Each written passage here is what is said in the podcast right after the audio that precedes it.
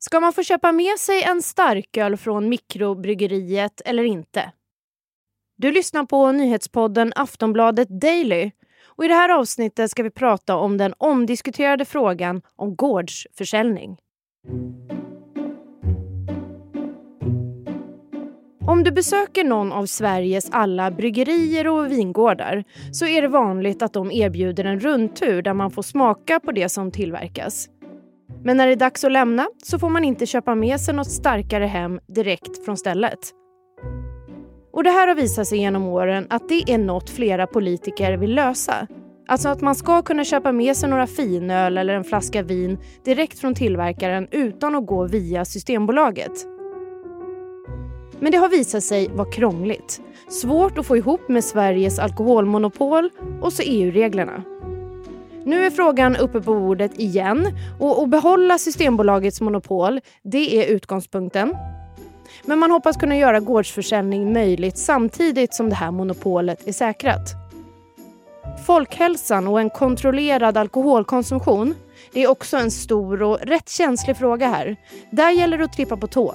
För hela alkoholpolitiken, den vill man inte ska äventyras. Det är tredje gången nu som frågan om gårdsförsäljning är uppe på agendan. Och snart släpps en utredning som regeringen bett om. Och det lutar åt att det kommer bli en ändring, men med vissa begränsningar. Men det ska sägas att det inte är något bestämt. En utredning behöver inte innebära att det blir lagändringar automatiskt. På Dagens Nyheters debattsida skriver ölbryggaren Johan Håkansson att gårdsförsäljningsutredningen den skulle kunna bli det bästa som hänt den restriktiva alkoholpolitiken och Systembolagets bevarande på länge. Johan Håkansson är styrelseledamot i föreningen Sveriges oberoende småbryggerier och vd för Ängöl i Kalmar. Han är gäst i dagens avsnitt och vi ska prata om varför han tycker att mer tillåtande regler går ihop med den hårt hållna alkoholpolitiken. Vad besökarna på bryggeriet i Kalmar säger om saken. Och hur han ser på riskerna för oansvarig försäljning och folkhälsan. Jag heter Amanda Hemberg Lind och du är varmt välkommen att lyssna på Aftonbladet Daily. Och första frågan blir varför Johan Håkansson tycker det är viktigt att reglerna ändras. Det kommer stärka landsbygden, det kommer stärka småstäder. Det kommer vara eh, en tillgång för eh, hotell och eh, besöksnäring runt om i hela landet. Man pratar om mat och dryckeslandet Sverige som skulle stärkas utav en sån här utveckling. Hur ser reglerna för gårdsförsäljning ut just nu? Idag finns det ju i praktiken ingen gårdsförsäljning alls. Förutom faktiskt för folköl som man kan få gårdsförsälja. Så en del bryggerier säljer folköl. Men man är då inte tillåten att sälja starköl eller vin eller sprit. Men eh, jag har ju ett ölbryggeri i Kalmar och eh, det är mycket turister här på sommaren, också från andra länder. Och de är vana vid att handla när de besöker bryggerier och vingårdar. Så de blir väldigt besvikna när de kommer hit och eh, inser att de inte får handla utan jag får hänvisa dem till Systembolaget. Och är det en lördag eftermiddag så eh, ja, då får, det, får de ju vänta till på måndag i så fall. Sverige är ju unikt i EU med de här reglerna. Vad säger dina besökare? Är det någon som blir arg? Är det förståelse eller nyfikenhet kanske? Eh, ja, det är allt möjligt egentligen. Eh, det finns även svenska medborgare faktiskt som eh, inte har förstått att det inte går att handla. Eh, utan de tror att, att, eh, att det går.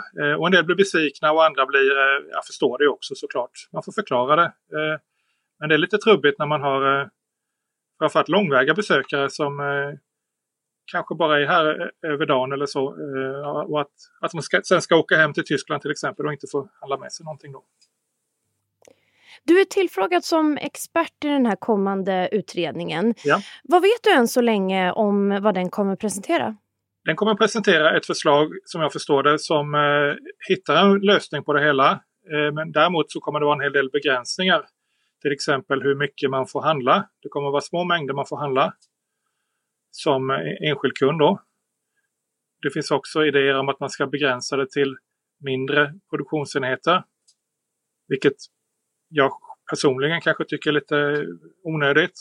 Eh, I Sverige så finns det väldigt många alkoholproducenter och de allra flesta är små. Så jag tycker det kan räcka med en begränsning av hur mycket man får handla. Ja, du är, du är ju kritisk till eh, en del saker i det här förslaget. Så, så vad, vad innebär din kritik och vad lyfter du som sakkunnig fram till utredaren? Nej, men vi har ju haft en, en eh, utredning har ju pågått i snart ett år. Och eh, jag har varit med i den, eller hjälpt dem sedan eh, februari tror jag det var. Och eh, det har gjorts eh, resor till exempel. Vi var flera dagar i Skåne och besökte vingårdar och eh, ölbryggeri och ett destilleri och sådär. Så det är väl det viktigaste att, eh, att utredarna får eh, sätta sig in hur det går till i praktiken ute på, på de här eh, hos producenterna så att säga. Så att eh, där har jag nog kunnat hjälpa till mycket tror jag under utredningens gång. Men du tycker att eh, det här förslaget, alltså din kritik är att det borde att det finns begränsningar i vilka som eh, får sälja? Eller kan du förklara närmare där? Ja, eh, nej men det lutar åt att man vill ha en, en begränsning då som, som gör att eh, de lite större mikrobryggerierna utesluts. Och det tror jag kommer bli svårt för folk att begripa. Till exempel då om man kommer till Nyköping så kan man besöka eh, Nyköping Brewing, Brewing Company och handla med sig några flaskor. Och sen kanske man går in på Nils Oskar då som ligger ett par, ett par kvarter bort. Och då får man inte handla där för att de är lite för stora. Och det tänker jag att det blir svårt för eh, konsumenten att hålla reda på och därmed blir det som en brist i utredningen. Det var lite så jag tänkte. Vad skulle, om det, om det här förslaget som det ser ut nu, det du har sett i alla fall, eh, vad skulle det innebära för dig som eh, företagare på, på Ängöl? Ja, men det skulle innebära att, eh, att vi kan eh, öka eh, försäljningen i samband med att vi håller ölprovningar då. Och säkerligen så skulle ölprovningarna i sig bli intressantare så att det, jag skulle säkert få anställa en eller två personer som sköter det här, framförallt sommartid då när vi har mycket turister här i, Kalmar som är både här i stan och på väg till Öland. Så är jag helt säker på att, att vi skulle kunna hålla ölprovningar flera gånger i veckan och eh, att folk skulle tycka det var trevligt att få köpa med sig några flaskor. Nu säljs det i och för sig på Systembolaget lokalt och det är ju jättebra och jag tror också att det är där den stora försäljningen kommer vara även framöver för mig. Eh, men har de provat ölen här så återköper de den på Systembolaget. Förutom att olika aktörer har flaggat för att allt måste gå ihop regelmässigt så finns också argument som gäller själva folkhälsan. IOGT-NTO är en organisation som arbetar för en restriktiv alkoholpolitik och de har under årens lopp varnat för det här. Gårdsförsäljning är ett förskönande ord och handlar inte nödvändigtvis om småskalighet, menar de. Utan istället kan det öppna för stora jättar och tjäna pengar på bekostnad av folkhälsan plus monopolet. Vi ska höra vad ölbryggaren Johan Håkansson säger om det här. Nej, men det håller jag inte med om för att eh, så som förslaget verkar läggas nu då så ska man genomgå en ölprovning eller vinprovning eller, eller rundtur bryggeriet och så vidare. Och sen får man köpa med sig ett fåtal flaskor.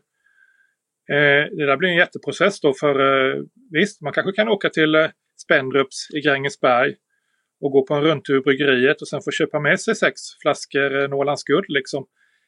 Det är ju inte så att Spendrups eh, rosar marknaden på det viset utan jag menar de säljer så mycket hyll ändå på alla möjliga ställen så det är en väldigt liten del för dem.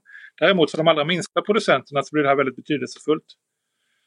Så att eh, ja, men det är verkligen eh, småskaligheten som kommer tjäna på detta. De stora har inte mycket att hämta, även om jag kan tycka att de också kan få sälja några burkar billiglager då för att eh, det är liksom ingen stor grej. De är inte så många till antalet och, och de har eh, redan så stor del av marknaden så att eh, det här kommer varken göra till eller från vad det gäller dem. Men finns det någon risk för oansvarig försäljning då? Och lite apropå folkhälsan. Nej, men jag tycker inte det. Eh, man, man, måste liksom gårdsförsälja där tillverkningen sker. Att, att sätta upp en eh, ny tillverkning för att få sälja några flaskor hit eller dit, det känns inte som att någon kommer ta det jobbet. Det, det vet jag om att, att det inte är det lättaste liksom att komma igång med en, en produktion först och sen försöka sälja lite gårdsförsäljning. Nej, jag, jag, jag ser inte den risken alls. Så knäckfrågan då. Riskerar gårdsförsäljningen att, att skälpa alkoholmonopolet eller inte? Jag tror att det kommer stärka alkoholmonopolet faktiskt. För att eh, som det är idag så eh, dricks det mindre och mindre. Men däremot så är folk nyfikna på att kombinera dryck och mat. Eh, man vill veta ursprunget på drycken. Och eh, om Systembolaget eh, kan ytterligare förbättra detta och eh, öka sin försäljning då utav våra varor när de har varit här och provat. Och eh, hittat en ny favorit favoritöl eller favoritvin hos sin, sin lokala producent. Så eh, kan Systembolaget sen eh, sälja flaskorna andra gången. Då vill man kanske inte gå en rundtur igen för att få köpa några flaskor till utan då går man till Systembolaget. Och om de hänger med på det här så tror jag att det snarare stärker deras roll faktiskt. Men den här frågan den har utretts två gånger innan. Varför är den så omtvistad? Nej, men det handlar ju faktiskt om Systembolaget skulle jag säga för att det blir en, eh, en kanal som inte Systembolaget har full kontroll över och det finns de som är oroliga för det. Jag tycker att den oro, oron är obefogad men eh, jag, jag kan ju inte svara för vad andra tycker och därför det är nog därför det har varit så omtvistat tror jag. Så vad tror du nu om framtiden? Blir det en ändring nu, ännu en utredning eller blir det stiltje i debatten? Ja, ännu en utredning hoppas jag inte på. Eh, det är ett valår också och, det här tar ju lite tid för politiken att ta hand om. Eh, jag är säker på att utredningen kommer med ett förslag som, som eh, man anser fungerar. Och jag är förhoppningsfull om att politikerna tar det här vidare. Så det är väl min, min tro på det hela. Eh, sen eh, kan jag ha fel möjligen. Se hur det går då. Ja. Tack så mycket Johan för att du ville vara med. Ja, men tack. Det säger Johan Håkansson, VD för Ängöl i Kalmar och styrelseledamot i föreningen Sveriges oberoende småbryggerier. Jag som pratar nu heter Amanda Hemberg Lind och du har hört Aftonbladet Daily. Tack för att du har lyssnat så hoppas jag att vi hörs snart igen. Hej då! Du har lyssnat på en podcast från Aftonbladet. Ansvarig utgivare är Lena K Samuelsson.